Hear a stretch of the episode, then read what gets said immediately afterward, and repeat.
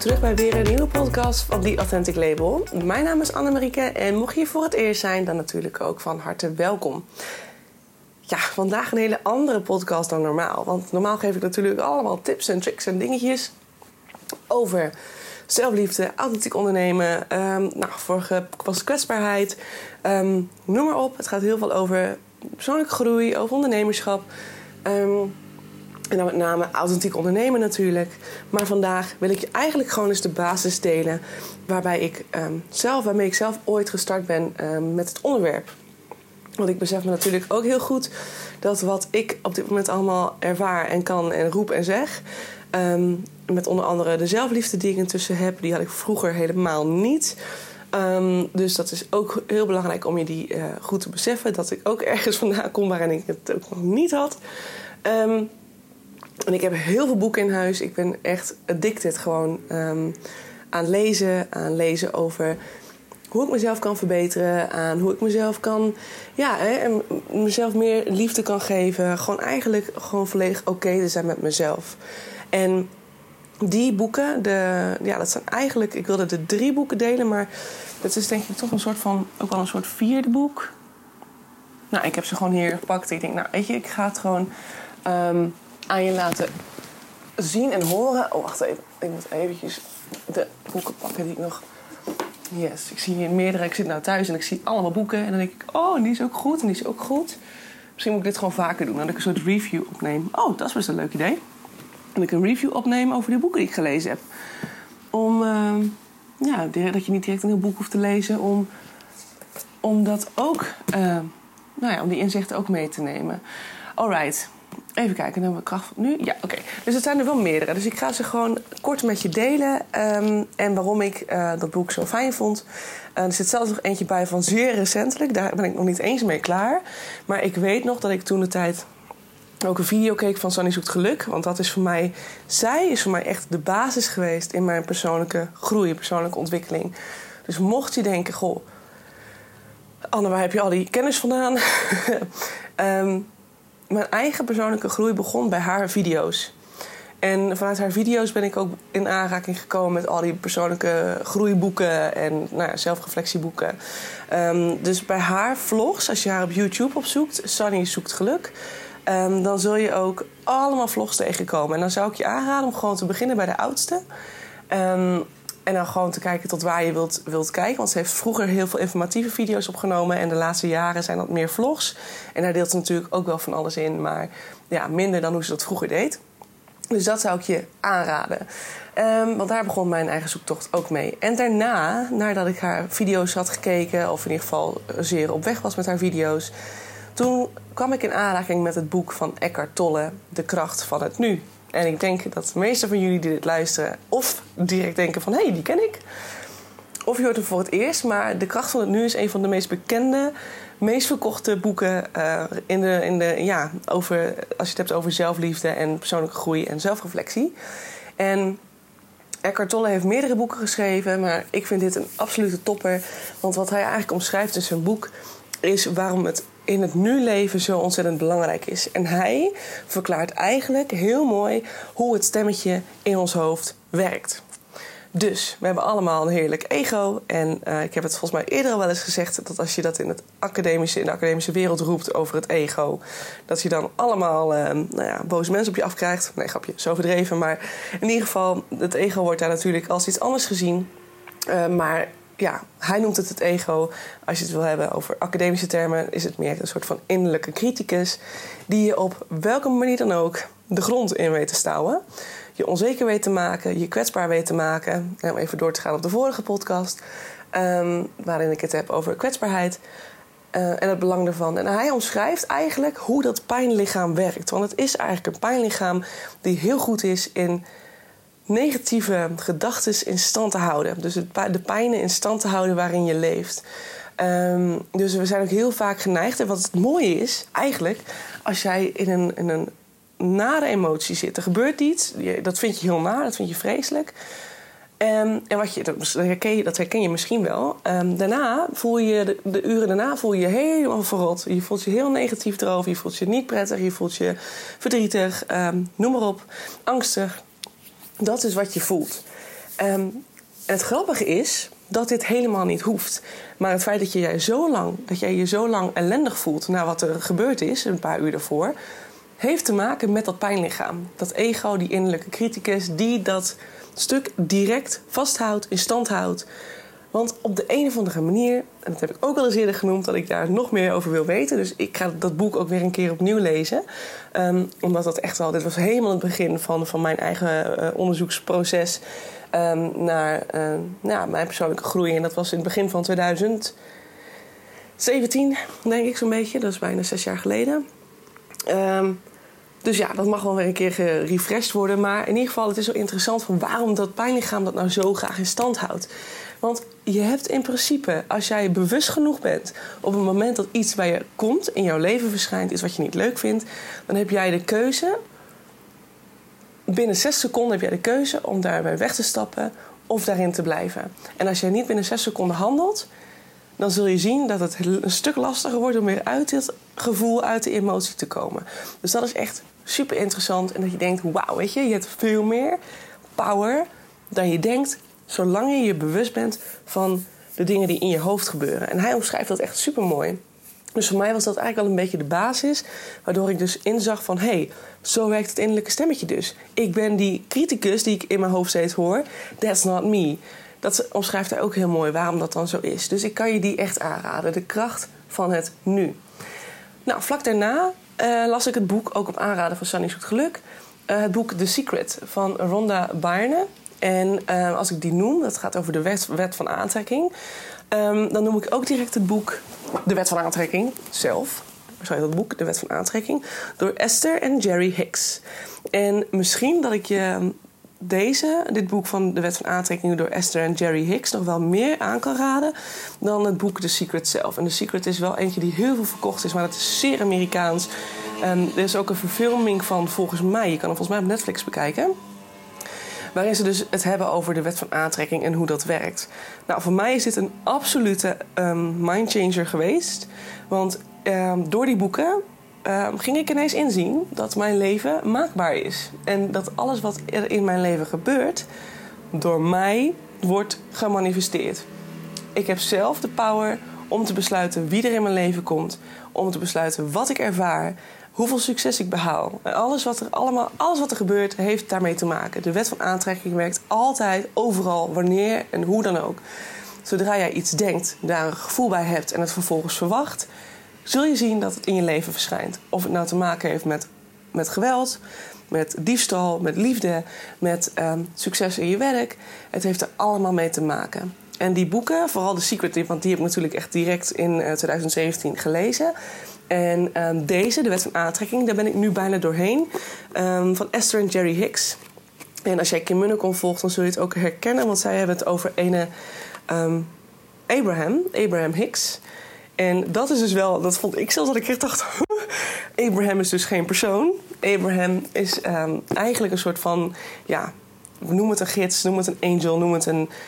Iets waar Esther Hicks in ieder geval contact mee had. En dat is uiteindelijk geschreven in een soort boek. En ik weet ook dat je hier echt. Hier moet je voor openstaan. Wil je dit kunnen lezen? Maar je kunt ook gewoon eventjes het stukje skippen over het feit dat Abraham zogenaamd een soort angel zou kunnen zijn, een soort gids zou zijn.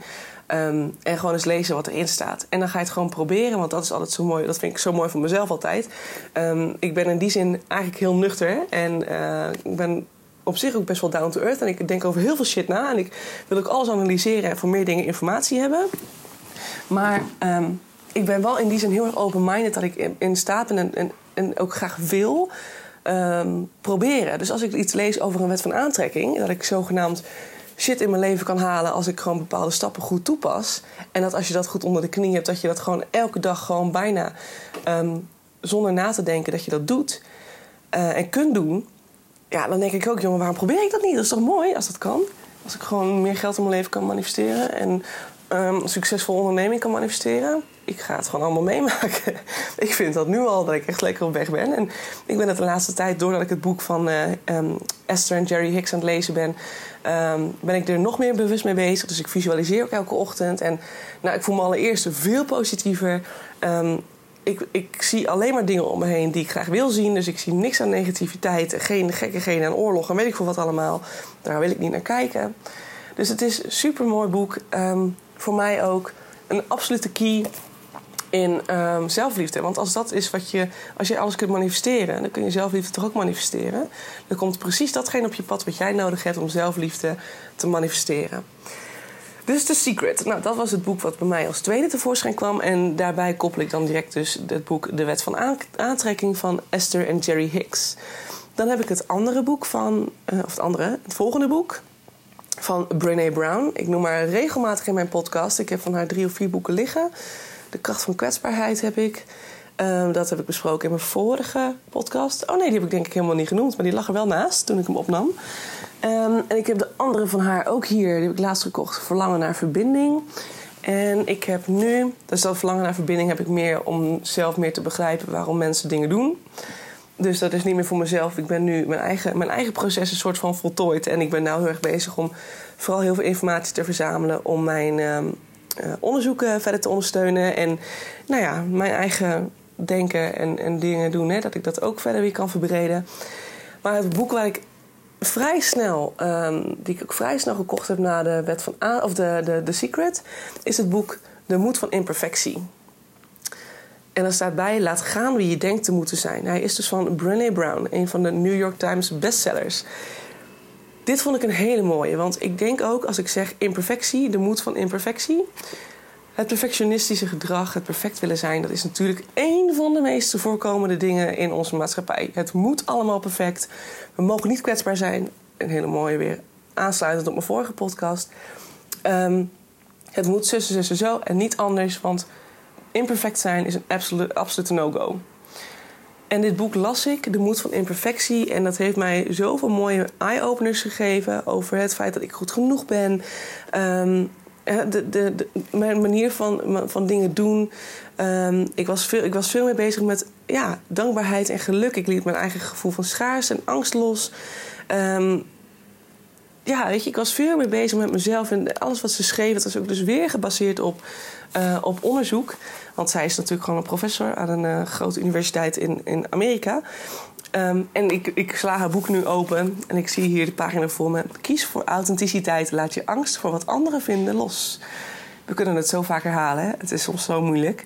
Nou ja, voor velen van ons is het nog zo moeilijk. Ik denk dat het wel degelijk los te laten is, want het, uh, dat heb ik al aardig voor elkaar. Dus ik denk dat het wel degelijk lukt. Maar gewoon, ja, echt een heel mooi boek um, over het loslaten van de perfectie.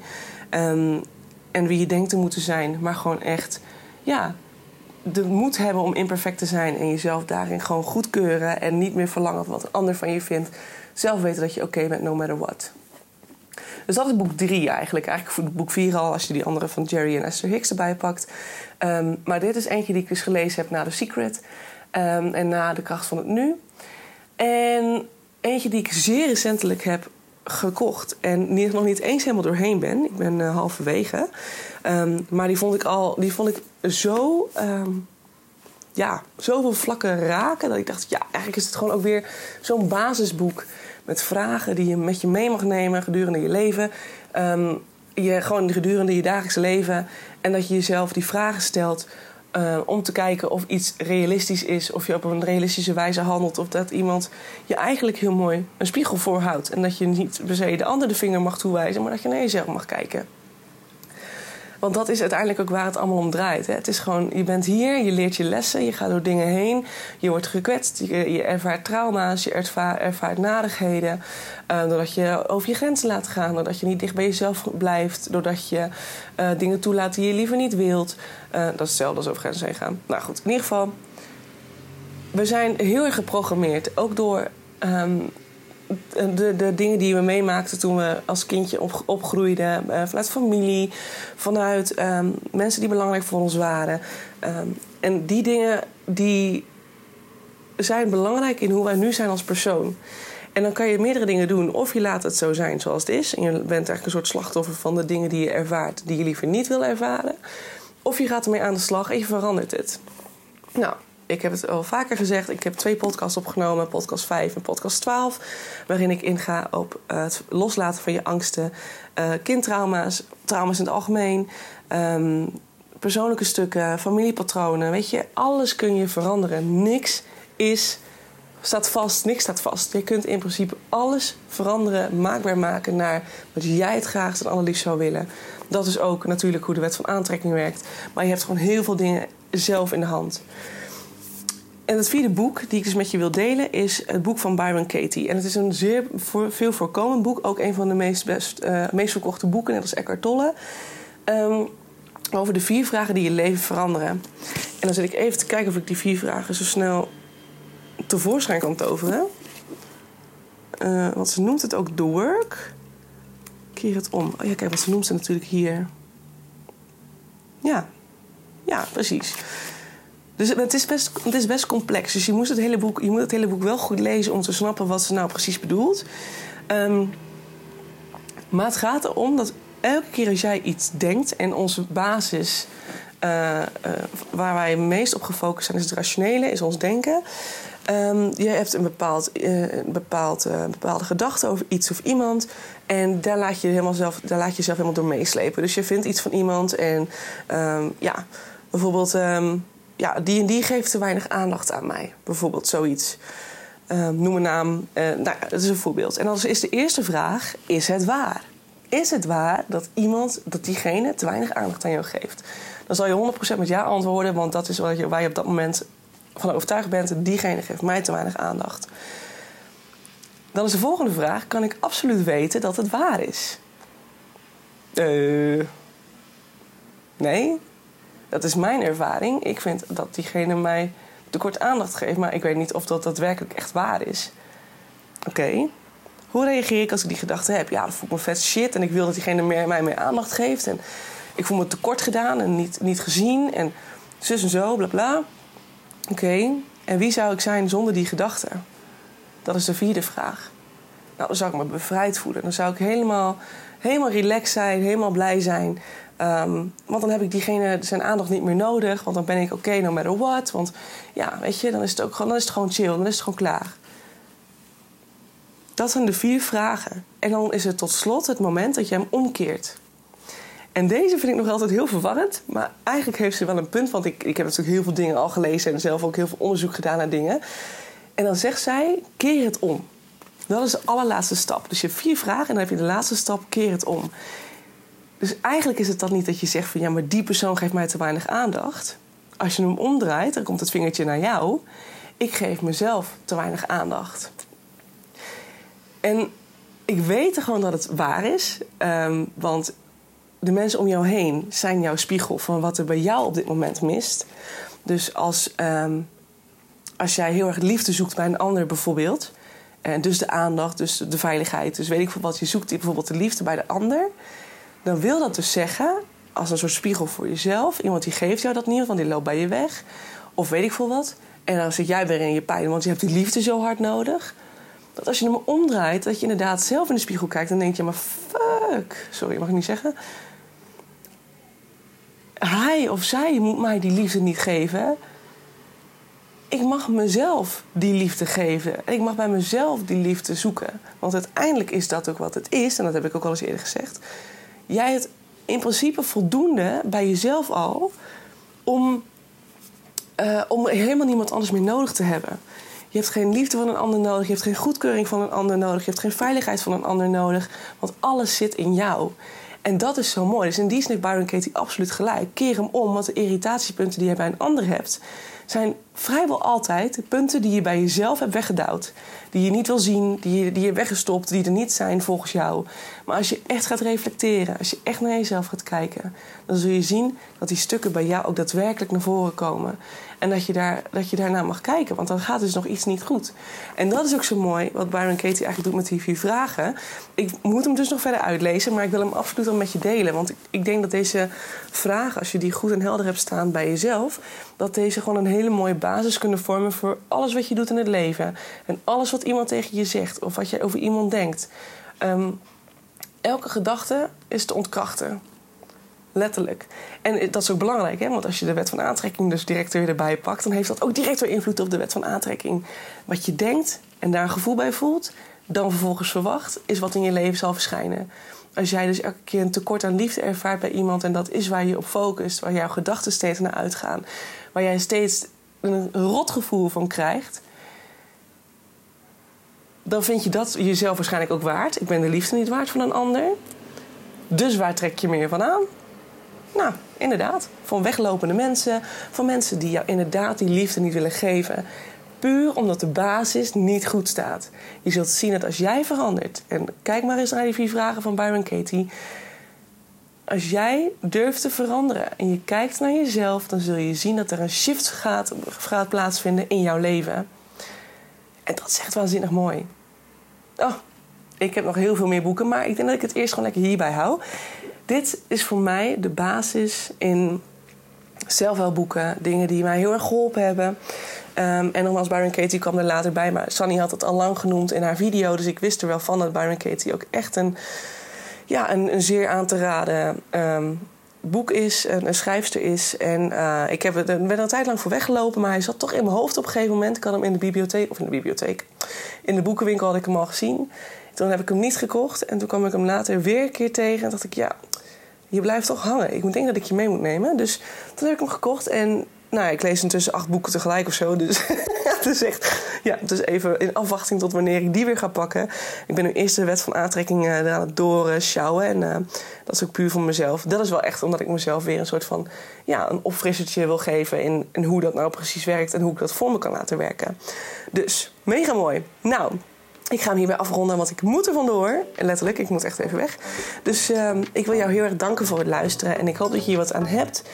Mocht je denken, iemand anders heeft hier ook echt wat aan, deel hem dan vooral. Uh, share it on stories on Instagram. En tag me dan vooral uh, at sorry, dat zeg ik verkeerd. Die. Authentic Label. En dan eh, ga ik hem sowieso even reposten. Dat is superleuk. En eh, nou ja, dan hoop ik je graag weer te zien bij de volgende podcast. Hey, doei doei!